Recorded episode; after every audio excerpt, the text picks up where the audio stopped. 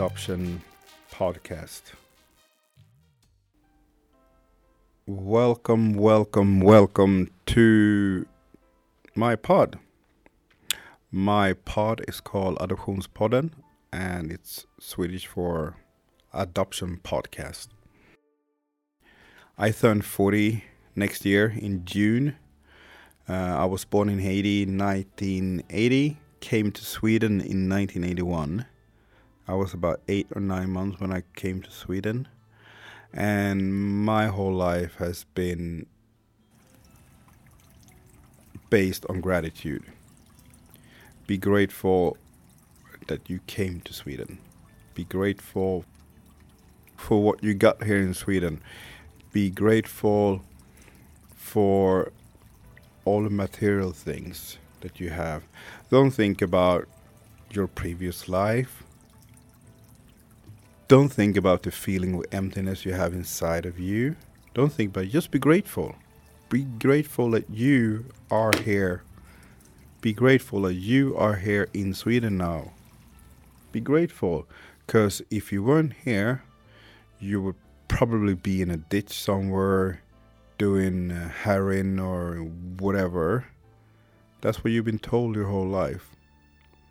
And you feel a certain way about yourself and about adoption, and you tend to adopt to your surroundings environment. And that's what I did until one day when I realized, fuck it, I'm not like them. I'm not them.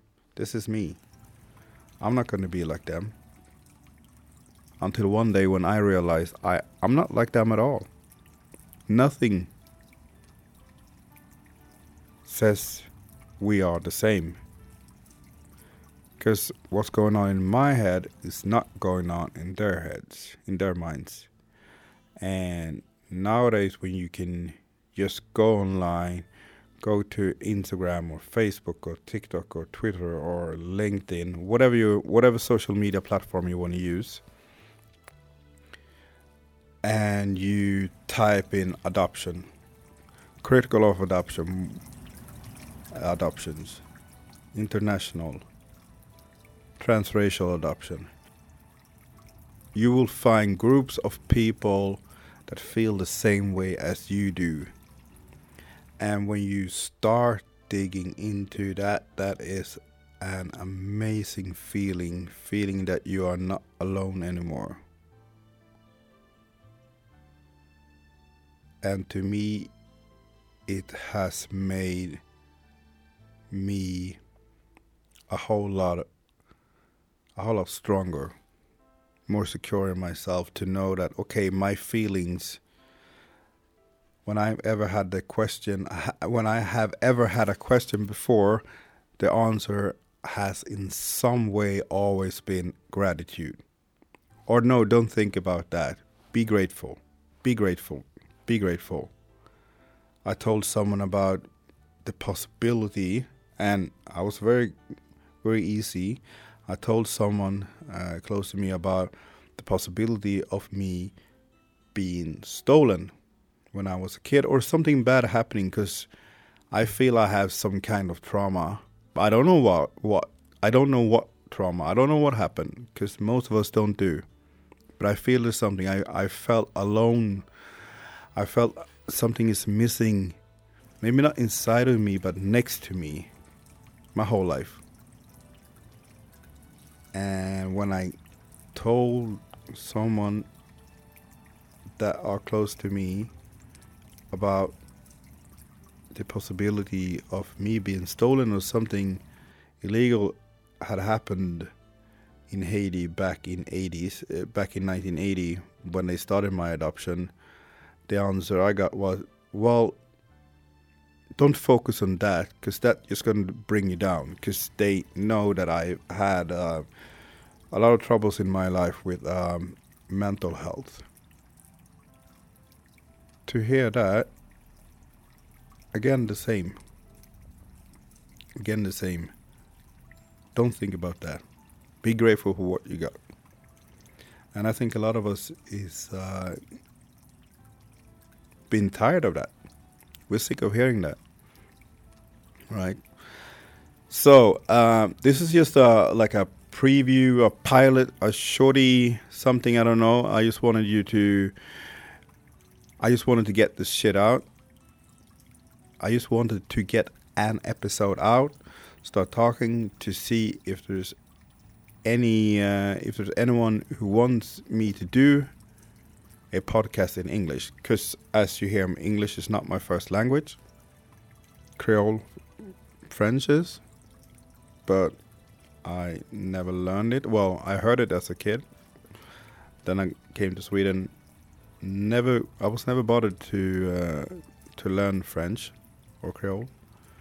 And instead I learned English as my in Sweden second language, but it should be my third language. So first language is Creole French, second Swedish, third English. But the way the world looks, Swedish is my first and English is my second. I probably say a lot of stuff wrong, grammatical and stuff like that. Uh, I pronounce words not correct, but uh, yeah, fuck that. No, but fuck that. I don't care. I should not care. I do care. I want to say I don't care, but I care. Anyway, um, I have in the last couple of days been talking online to a few people abroad about this. And once again, when you talk to someone, one person I've talked to, well, we only talked on, on Facebook Messenger but she lives in Australia and one lives in UK. And UK is close to Sweden, yeah, but Australia is on the other side or down under, and but we still have the same 100% the same feeling towards adoption, adoption process, and what it has done to us. That to me says there is something wrong about adoption. And also, I would like to get your views on something. Um, I work and I study, and I had a, a discussion with my uh, teacher and classmates uh, a couple days ago, where I wanted to do a project where I talk about uh, adoption. And since the 60s in Sweden, about 60,000 kids have been adopted to Sweden, all right? 60,000. And I said out loud 50% of those kids have been stolen. My teacher and classmates, all non adoptees, said, Oh no, you can't say it like that. You got you got to have your facts straight. You got to have a source. And I claim that well, yeah, of course, but I won't be able to get statistics and the sources of this because it's a fucking jungle out there in the adoption uh, world. All right. I can't say anything without proper knowledge sources statistics. What do you think? In my head, I can give them an emotional number.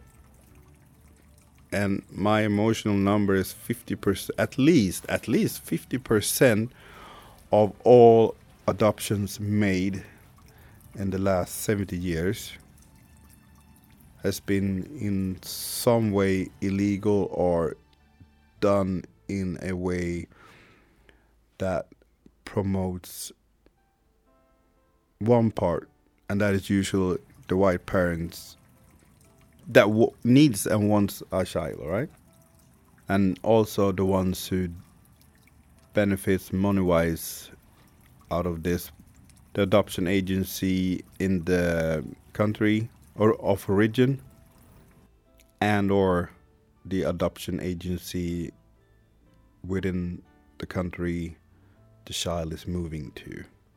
There's always money involved. And I got a sex, second question, which is to me, I'm um, I, I want to get this out there.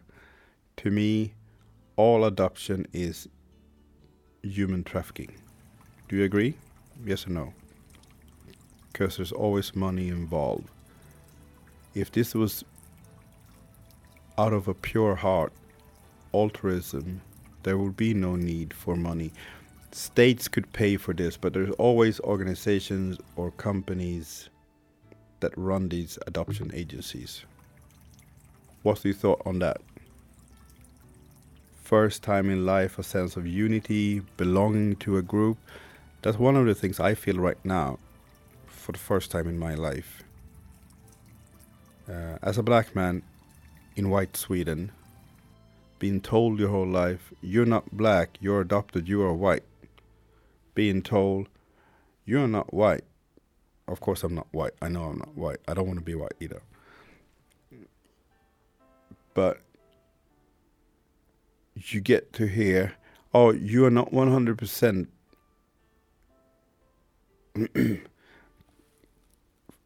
for the first time in my life, I feel like a real sense of unity belonging to a group, and that's pretty weird and fucked up because living in Sweden as an adopted black man from Haiti, you get to hear from uh, the white people who's who says, "Oh, you can't really be in our zone because you are not white."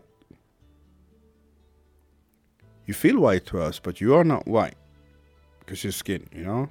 Because we have tried to make you as white as possible in your mindset, but the skin of your color is still too dark. It makes you, you know, one of them, but you're not one of them.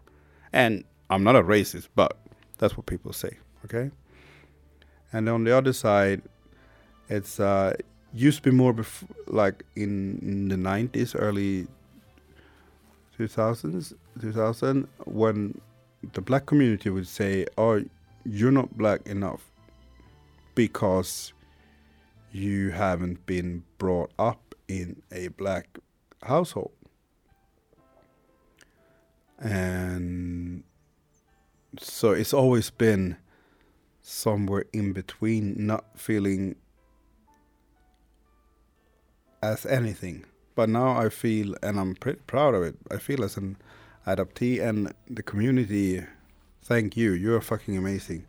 But also to get back and and and um, reply to what people like the whiteys that say, "Oh, you you, you don't really belong with us," and and of course I have no problem with that because I am black and I don't want to be white. White people tend to think everybody wants to be white, but no people don't want to be white. That's a view you have in your head, right? But also, I've been brought up as a white man in a black man's body because I got all these structural white supremacy things pushed into me. And then you kick me out into the world and you have no guidance, no nothing, and you learn you are not white, you are black fuck you, fuck off. And on the other side, you have the black community that that used to or used to say, "Oh, you're not black enough because you are adopted." And the problem that I see with that saying that is, first of all, I am black. No one can take my blackness away from me. And I have also probably experienced more racism as a adopted black man than just a black man. Because I've been let into spaces where I'm not supposed to be, where people is racist as fuck, and especially in Sweden. Sweden is a racist fucking country. Everybody who's not white knows Sweden is fucking racist. People who are white, they will never admit that Sweden is racist. Oh no, Sweden is amazing. No, Sweden is fucking racist. Okay. And also living in Sweden in the 90s, there were a lot of Nazis out on the streets, a lot of skinheads. Uh, if I were to go out Friday, Saturday night, if I were to go to a discoteca, if I were to go to a club or whatever, uh, I knew I, I would get uh, problems. If me and my white friends were wanted to go somewhere, I always had to do a checkup before. Okay, what's and they never really cared or understood my feelings towards it. I was like, "Oh, we're going there. Will there be any problems?" No, no, no. Never, never mind. No one is racist there. Well, no one is racist there because you never experience racism because they aren't racist towards you. But when I get there, they're racist as fuck. You know.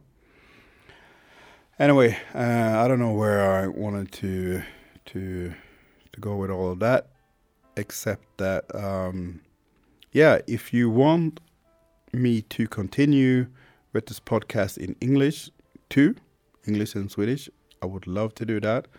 But please get me, give me some some feedback, and uh, yeah, I wish all of you a an amazing. I wish all of you will have an amazing weekend, Saturday, Sunday. Do a lot of fun stuff. Uh, don't mind, yeah, whatever. Ha since I am adopted from Haiti, I want to do a shout out. This is to uh, this is a shout out to two adoptees that I've been talking to in the last couple of days. That uh, by talking to them, I found a lot of stuff that's really interesting, and especially this uh, this website uh, intercountryadopteevoices.com, uh, ICAV, and they have uh, if you go in there, there are you can click on, on different countries, and I clicked on Haiti, and I got to a um, foundation uh, the Plan Quisqueya Foundation, and they have a DNA project. And I just I just found it, so I'm, I'm going to read up on it and get back to you. But hopefully, there are people in Haiti or U.S. or wherever in the world who's contributed to the DNA database, so I can um, send mine in, and hopefully, hopefully, I can find family because I want to find some family. Hell yeah, who doesn't? Well, there are a lot who doesn't, but I want to find my family. Um, yeah, uh, this might sound weird to a lot of you, but I always felt that I might have a twin brother or sister.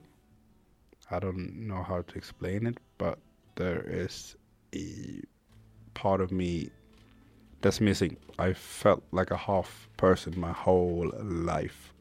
Not a half person, a half half soul, half a soul.